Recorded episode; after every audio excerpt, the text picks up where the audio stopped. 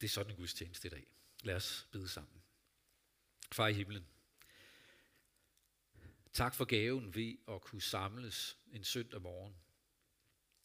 Samles til at lovprise din storhed. Til at lade roen indfinde sig med eftertanke. Og du ved, hvad der rammer os, når stillheden indfinder sig. Om det er bekymring eller taknemmelighed om vi netop falder til ro eller mærker uroen kom snigende. Tak, at du kender os. At du er i stand til at møde os der, hvor du ser, at vi er, og møde os her og nu. Amen.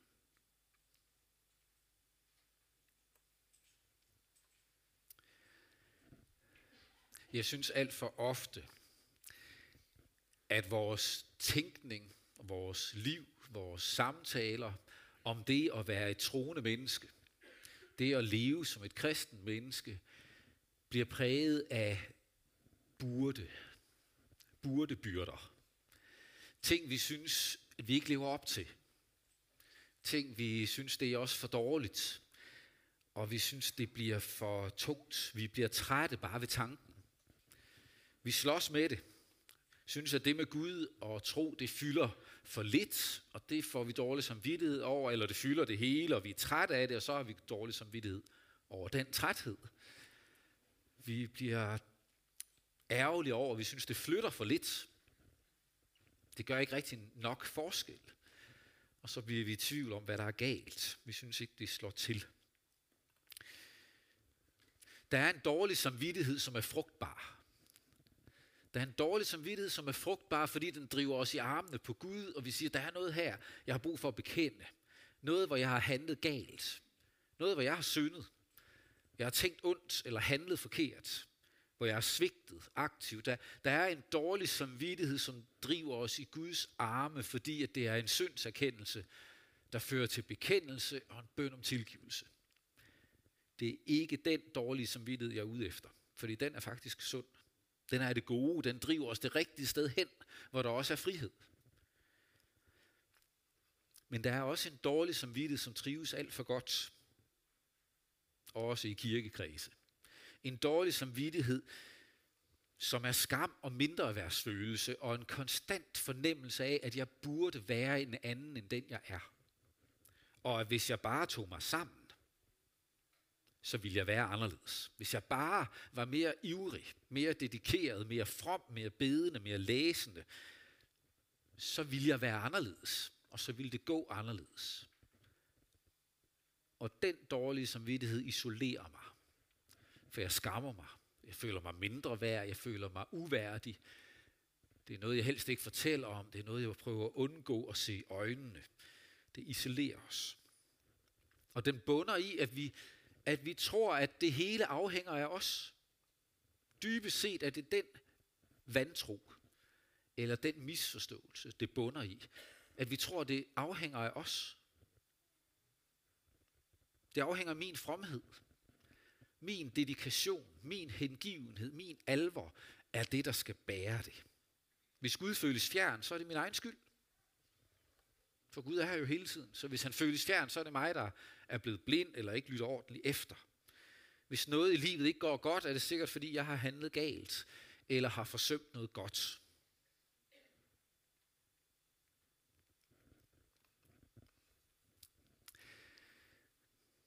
Når jeg spørger kirkefolk efter, hvordan har du det med Gud, så svarer langt de fleste ved at beskrive deres andagsliv. De svarer på, hvor ofte de læser i Bibelen, og hvor meget de beder, og om de synes, at det føles livligt og godt, når de gør det. Jeg spurgte, hvordan har du det med Gud? Jeg spurgte ikke, hvordan har du det med dine vaner? Eller hvordan går det med din praksis? Jeg spurgte, hvordan har du det med Gud? Men vi svarer ved at beskrive, hvad vi gør. For vi tror, det er det, det afhænger af. Hvis jeg gør det, jeg skal, så har jeg det godt med Gud, for så har jeg god samvittighed med mig selv. Og så må det jo være, som det skal være. Hvis jeg gør mit, så kan jeg svare, at det går godt. Ergo tror jeg, at det afhænger af mig. Det er en plage. For det dræber frimodighed, det dræber glæde, og det lægger byrder på vores egne og andres skuldre. Det er det, der fylder både unge og ældre med en skyldfølelse over, at jeg gør vist også for lidt. Det burde være anderledes med mig. Jeg burde være anderledes. Og man når aldrig dertil, hvor man så synes, at nu er det godt nok. For det bliver det jo ikke. Det er det, der fylder forældre med skyldfølelse. Og en følelse af, at jeg har vist også gjort for lidt ud af at give troen videre til mine børn. Det er nok min skyld, hvis ikke. Og når de har det, som de har det, så er det sikkert, fordi jeg har svigtet med det eller det. Altså, det, det kvaler hele tiden. For vi tror, at alt afhænger af os selv. I sidste ende reducerer det Gud til en pligt i mit liv. Han ryger i kassen af dem, jeg burde besøge lidt oftere. Ringe til lidt oftere. Det er uværdigt for både Gud og dig at give Gud den plads. Dertil kommer en uro måske hos dig og hos os over vores tid, den kirkelige udvikling, åndsfriheden i vores land, præstindsættelsen i Hedensted før vinterferien, hvor en øh, nyuddannet præst bliver udskammet i landets medier og bliver mødt af protester uden for kirken over, at der ikke burde være plads til den slags præster i folkekirken. En som ham, der ordentligt, forsigtigt, redeligt fortæller, hvorfor han ikke kan få det til at stemme overens med det, han læser i Bibelen, og stå i spidsen for en hvilelse af to af samme køn. En holdning, jeg deler med ham, men som altså bliver mødt med udskamning og protester, at sådan nogen burde der ikke være plads til. Så bliver vi urolige. Jeg synes, det er godt nok hårdt. Det er hårdt med eget liv med Gud, det er hårdt i det samfund, vi lever i. Hvad sker der fremadrettet? Bønden for i dag er, at skyld og skam og uro må blive afløst af længsel og glæde og lyst. Ved at få øje på, hvem Gud er. Få øje på, hvad det er, han gør, i stedet for at stige os blinde på, hvad vi burde og kunne og skulle. Så få øje på ham og den kraft, det liv, han møder os med. Det er, hvad de to lignelser, Jesus fortæller i dag, prøver at åbenbare for os, hvilken kraft det er, at Gud giver og rækker til os. Værsgo. Nu vil jeg gerne rejse op, og så vil vi lytte. Og vi læser fra evangelisten Markus, hvor der står, Jesus sagde, med Guds rige er det ligesom med en mand, der har tilsået jorden. Han sover og står op nat og dag, og kornet spiger og vokser, uden at han ved hvordan. Af sig selv giver jorden afgrøde. Først strå, så aks, så fuld kerne i akset.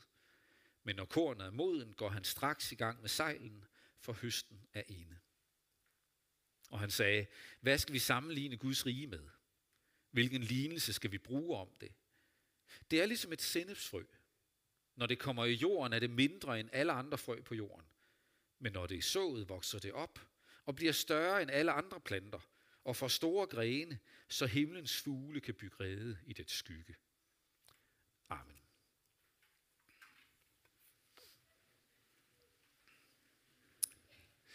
Det er uhyre enkle billeder, Jesus bruger på Guds rige. Og billeder, der sætter dig og mig fri fra den misforståelse, at det er os, det bunder hos eller afhænger af. Det første billede, det er som korn i jorden. At landmanden gør sit, ja, han sår. Det kan også være, at han gøder og vander og er opmærksom på det, men at kornet spiger og vokser op og bærer frugt, bliver til høst. Det er ikke noget, han kan gøre. Det er ikke noget, han kan arrangere. Han er faktisk nødt til at gå i seng og stå op. Han er nødt til at lade livet gå sin gang, og en dag er det tid til høst. For det, der blev sået, var der liv i. Den kraft har skaberen lagt i kornet. Det kommer af sig selv. Automata hedder det på græsk. Det kommer automatisk. Det er ikke noget, der er nogen, der kan forhindre. For der er liv i det. Når bare det korn får lov at blive lagt i jorden, så vil det bære frugt automatisk. For der er kraft og liv i det. Sådan siger han, at Guds rige er. Eller sennepsfrøet. Det lille frø, der ser ud af ingenting, men vokser til et krat, til et vildnis, med store, tykke grene som, som en overarm og stærk nok til, at fugle kan bygge rede i det og være beskyttet fra rovdyr, der vil plyndre reden. Sådan vokser Guds rige. Ved hjælp af kornet, som der er liv i. Og kornet, det der sås, siger han lidt et andet sted i samme kapitel, det der sås af Guds ord. Fortællingen om Jesus, beretningerne fra Bibelen, når det bliver sået, så er der liv i det, så det spiger, det bliver til noget. Der er sådan en kraft i sennepsplanten, at tilbage omkring det andet århundrede, der, var, der blev der forbud mod at plante det i almindelige haver. Fordi man kunne ikke styre det. Det bredte sig værre end ukrudt, og det indtog hele strækninger og marker og bjergsider og skråninger. Man måtte simpelthen ikke plante det der, hvor man ikke ville have det, for det kunne ikke styres. Så kraftigt vokser den her sennepsplante. Nu stoppelig vækst. Det er der kraften er. Ikke i dig. Om der er kraft i ordet afhænger ikke af din dedikation, din vilje, din fromhed, din dygtighed, din helhjertethed. At der er kraft i det skyldes, at Gud har lagt kraft i det. Sådan har han arrangeret det. Sådan har han lagt det til rette, og det er det, han rækker til os. Kraften er i budskabet. For det budskab plads, så vil der ske forandring. Og det må vi altså godt tage til os, også når vi drømmer om forandringer. Også når vi bliver urolige for udviklingen i vores samfund, så tænk på, hvordan er det i virkeligheden, der kan ske forandring. Man kan, man kan forandre et landskab jo sådan meget basalt på to måder. Du kan asfaltere det, eller du kan plante noget, der skal vokse op og blive til liv og forandre landskabet. Man kan godt asfaltere. Luk alt det til, der vil se forkert ud. Gennem det af vejen, som vi ikke bryder os om. Lægge tyk lag på af pligter og burde, og sådan her skal det være. Nu lovgiver vi os ud af det.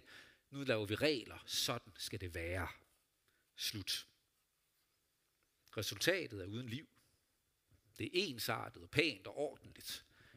Men man kvæler livet i samme bevægelse. Nogle gange synes jeg, at der fra kirkelig hold kommer et ønske om, at vi burde bare asfaltere det hele. Vi burde kunne lave en regel om, at vi vil have det på vores måde, det er sådan her, alle skal rette sig efter det. Men man kan ikke lovgive sig ud af en åndelig krise. Man kan ikke lovgive sig ud af åndelig uenighed og uoverensstemmelser. I, I forbindelse med debatten omkring Hedensted, præsten der, var der en fra det, vi vil kalde vores side af kirken, som var ude med en udmelding om, at der i folkekirken bør være frihed til at tage afstand for ritualet med hvilelse af to og samme køn. Den frihed skal der være. Men, sagde han, der skal ikke være frihed til det modsatte. Der burde faktisk ikke være frihed til at vide dem, hvis man synes, det er rigtigt. Det skal forbydes. Altså en insistering på, at vi skal have frihed, men dem vi er uenige med, skal ikke have frihed. Sådan kan man ikke. Jeg er dybt uenig. Jeg er enig i intentionen, at jeg, hvad jeg synes er rigtigt, hvad jeg tror på er det sande og gode, men man kan ikke bare ikke sige sådan. Man kan simpelthen ikke kræve frihed for den ene, men ikke for den anden, for det er at prøve på at asfaltere hen over uenigheden. Det eneste, vi kan gøre, er at plante nyt liv. Det, der kan skabe forandring, er, at ordet bliver plantet. Og så må det bære den frugt, Gud giver. For det er kun Gud, der kan overbevise. Det er kun Gud, der kan tage fat i os og ændre overbevisning og stillingtagen til noget så grundlæggende som et menneskesyn på køn og seksualitet, og hvem jeg er, og hvordan Gud ser på mig, det skal komme ved Guds ord og Guds ånd. Det kan vi ikke lovgive os ud af. Det kan vi ikke asfaltere. Men vi kan kultivere, og vi kan plante, og vi kan vande, og vi kan gøde, og vi kan bede om, at Gud må lade det bære frugt. Så kan der spire liv frem, indefra. Sådan sker der forandring i dit liv. Sådan sker der forandring i mit liv. Sådan sker der forandring i et samfund, ved at Gud får lov til at virke indenfra med det ord, som der er liv i. Så det der håbet er, at Gud har givet os noget med, med automatik i. Noget, som vil skabe, vil forandre, nemlig hans ord. Og så sidder vi her igen, som vesterlændinge, der gerne vil effektivisere og optimere, og tænker, okay, så vi skal så noget mere. Hvor har vi den maskine? Så tager vi os sammen igen og finder hårrødderne og ser, om vi kan trække lidt mere. Hvad, hvad gør vi nu? Vi skal gøre mere, mere, mere. Måske. Det kan da godt være, at du skal gøre mere. Det kan godt være, at du er doven. Det kan godt være, at du øh, har hørt om Guds ord, men at du regner det ikke, eller du har aldrig blevet præsenteret for en måde at leve med det på, så du, det ved jeg simpelthen ikke, hvad du snakker om. Så kan det godt være, at du skal til at gøre mere. Det kan godt være, at du skal lukke op for det ord, lytte efter det. Men der kan også være en grund til lige at stille dig selv spørgsmålet, hvorfor er det, du tror, du skal gøre mere? Er det for Guds skyld? For at gøre ham tilpas? Er det fordi, du er bange for, om han er vred på dig? Er det, bange, er det for at komme din egen dårlige samvittighed til livs? At du tænker, nu, nu strammer jeg lige op, og nu, nu skal det være. Nu gør jeg det. Nu læser jeg lidt mere i Bibelen. Nu bruger jeg mere tid på at bede, og alt det gode. Er det for at få den dårlige samvittighed kval, så du kan få fred for den? Er det for, at du skal sørge for, at Guds rige vokser? Og hvis ikke du nu gør det her, så sker der ingenting. Så er du tilbage ved, at det afhænger af dig, og ikke Gud. I stedet for straks at fare over i den der handleplan, som hedder, okay, nu må jeg gøre sådan. Så prøv bare lige at blive stille for, hvad det er, Gud siger, at han tilbyder os.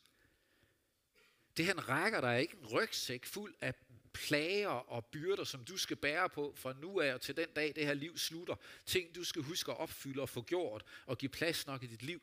Det han rækker dig er en skål med livets vand. Er han tallerken fuld af, af livets brød, og du får lov at spise af det. Og han siger, her har du det, der giver liv til dig. Værsgo. Du, det, det er en gave til dig. Prøv at parkere alle dine, alle dine handleplaner. Parkere alle dine byrdefulde tankegange. Og så bare se, hvad han serverer for dig. Og siger, i det der er der liv. Og det er til dig fordi jeg vil dig. Måske du ikke skal læse væsentligt mere i Bibelen, men dvæle ved det, du allerede læser, allerede hører, allerede har del i. Det, du har del i i kirken. Del i, når I samles i Unite, unik. Hør i Junakirken. Glæd dig ved det. Sug næringen ud af det. Tænk over, hvad det betyder. Tag dig tid til at gå med det grund over det. Leve på det. Det du hører i familien. Det I deler i cellegruppen og smågruppen. Og vide, der er allerede kraft i det. Allerede. Og det har adgang til dig. Ellers sad du her ikke. Det har adgang til dit liv allerede nu. Der er liv i det. Vi, vi tror så nemt, jo mere, jo bedre. Og så bliver det sådan en øh, kristelig udgave af bulimi, hvor vi prøver at se, om vi kan få mest muligt indenbords, for så bare at kaste det op igen. I stedet for at lade det få lov at give næring til kroppen. Tag det til os. Dvæle ved det. I bogen her, Gud i mit alt af Kenshiki Matsu, der har han en beskrivelse af, hvordan at i, i salmernes bog, salme 1, der står der lykkelig det menneske, der grunder over Herrens lov. Og så viser han, Kenshi Matsu, at det her med at grunde over, det er det samme ord, som i Esajas' bog bliver brugt om løven, der knurrer over sit bytte. Altså, det der med at grunde over, det er ligesom en løve, der ligger med sit bytte og nyder hver en mundfuld. Tager så god tid til det, og ikke har travlt med at skulle ud og fange noget nyt. Men det her, det skal nydes fuldt ud. Og hvis nu savannen er lidt langt væk, så, så er det andet billede. Billedet af en hund. Eugene Peterson skriver, for nogle år siden havde jeg en hund med en forkærlighed for store ben. Han dukkede op på vores stenterrasse ud mod søen, bærende eller trækkende på sit trofæ, normalt en skank eller et ribben. Det var en lille hund, og benet var ofte, ofte næsten lige så stor som den. Hun hoppede og dansede lejende foran os med sit bytte, lovrede med halen, stolt af, hvad den havde fundet. Den gnavede på benet, vendte og drejede det, slikkede på det, skubbede rundt med det. Det var tydeligt, at den morede sig og ikke havde travlt. Efter et par timers leg begravede den det, og vendte tilbage næste dag for at grave det op igen. Et gennemsnitligt ben kunne holde omkring en uges tid. Mm, bare nyde det. Lykkelig det menneske, der grunder over Herrens ord, som ligger som løven over sit bytte, eller hunden med sit store kødben og nyder det, og vender tilbage til det, og lader det vare en hel uge. Og siger, her er der næring, her er der liv, her er der leg, her er der glæde. Og den tager det til sig.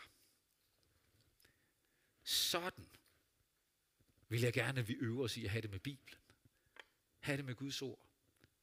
At der er den der næring i det, så lad os tage os tid til at nyde det.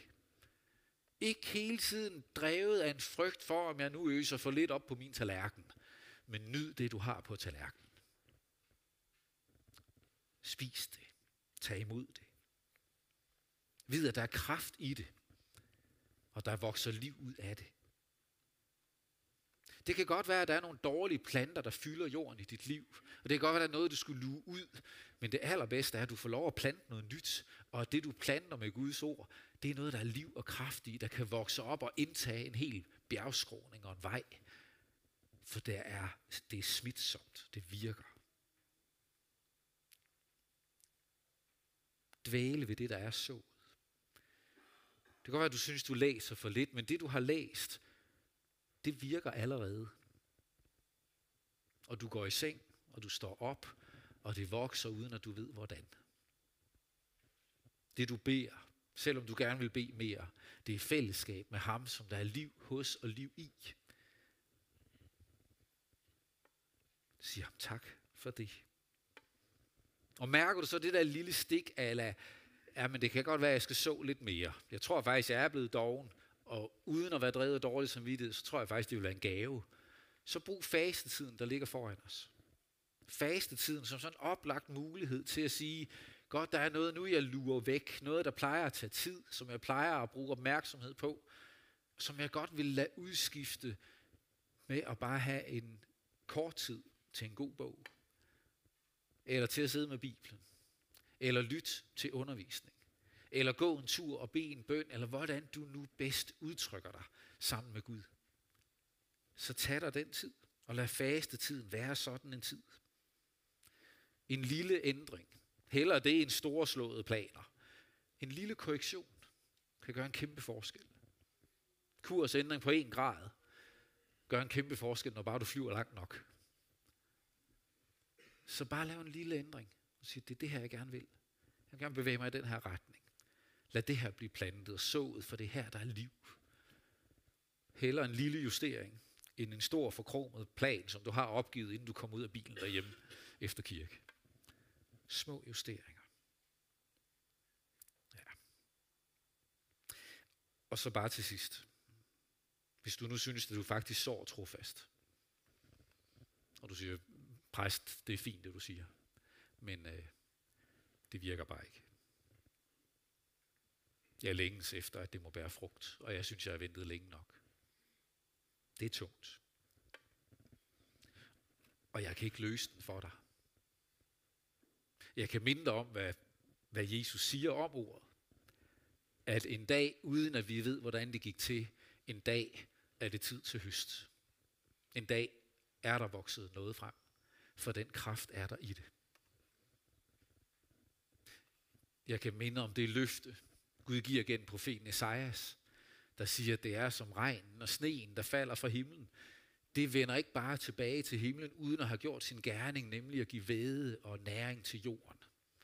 Og sådan, siger Gud, er det med Guds ord. Det vender ikke virkningsløst tilbage, men gør min vilje og udfører mit ærende. Det står han indenfor. Det er noget af det, der ligger i det lille ord, at det sker automatisk, fordi Gud har lovet det. Og en dag, uden at vi ved hvordan, så var der vokset noget frem. Paulus skrev det i det sine brev til galaterne. Lad os ikke blive trætte af at gøre det, som er ret. Vi skal til sin tid høste, når bare vi ikke giver op. Du er ikke alene med følelsen af, at det kan være tungt. Det har vores forbilleder i Bibelen også oplevet. Og Paulus skriver det sådan, lad os ikke blive træt af det. Der kommer en høst.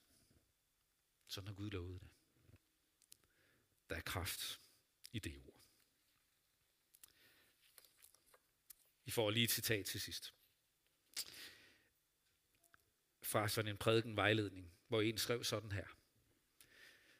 Den gamle, som sidder i otiumstolen og beder for sin familie, børn og børnebørn, menighed og præst, må vide, at ved den bøn vokser Guds rige og griber om sig. Guds sennepsbed gror, når den unge forælder læser bibelhistorie for sine børn. Der sås mange frø, når klublederen forkynder evangeliet for børnene. Når besøgsvennen banker på hos fru Jensen på plejehjemmet, ser Herren sit sennepsbed vokse videre. Når vi går hjem fra kirke søndag ved middagstid, er det begyndelsen på en uge, hvor der igen bliver sået sennep. En ved at tale med sin nabo. En ved at passe børnebørn. En, der husker at vise omsorg, have omsorg for sin kollega. En, som besøger den ensomme. For Guds ord er ikke virkningsløst. Det har en utæmmelig grokraft i sig, som sindepsplanten. Amen. Lad os bede. i Gud, du som var, er og bliver. Tak, at du har lagt sådan en kraft i ordet.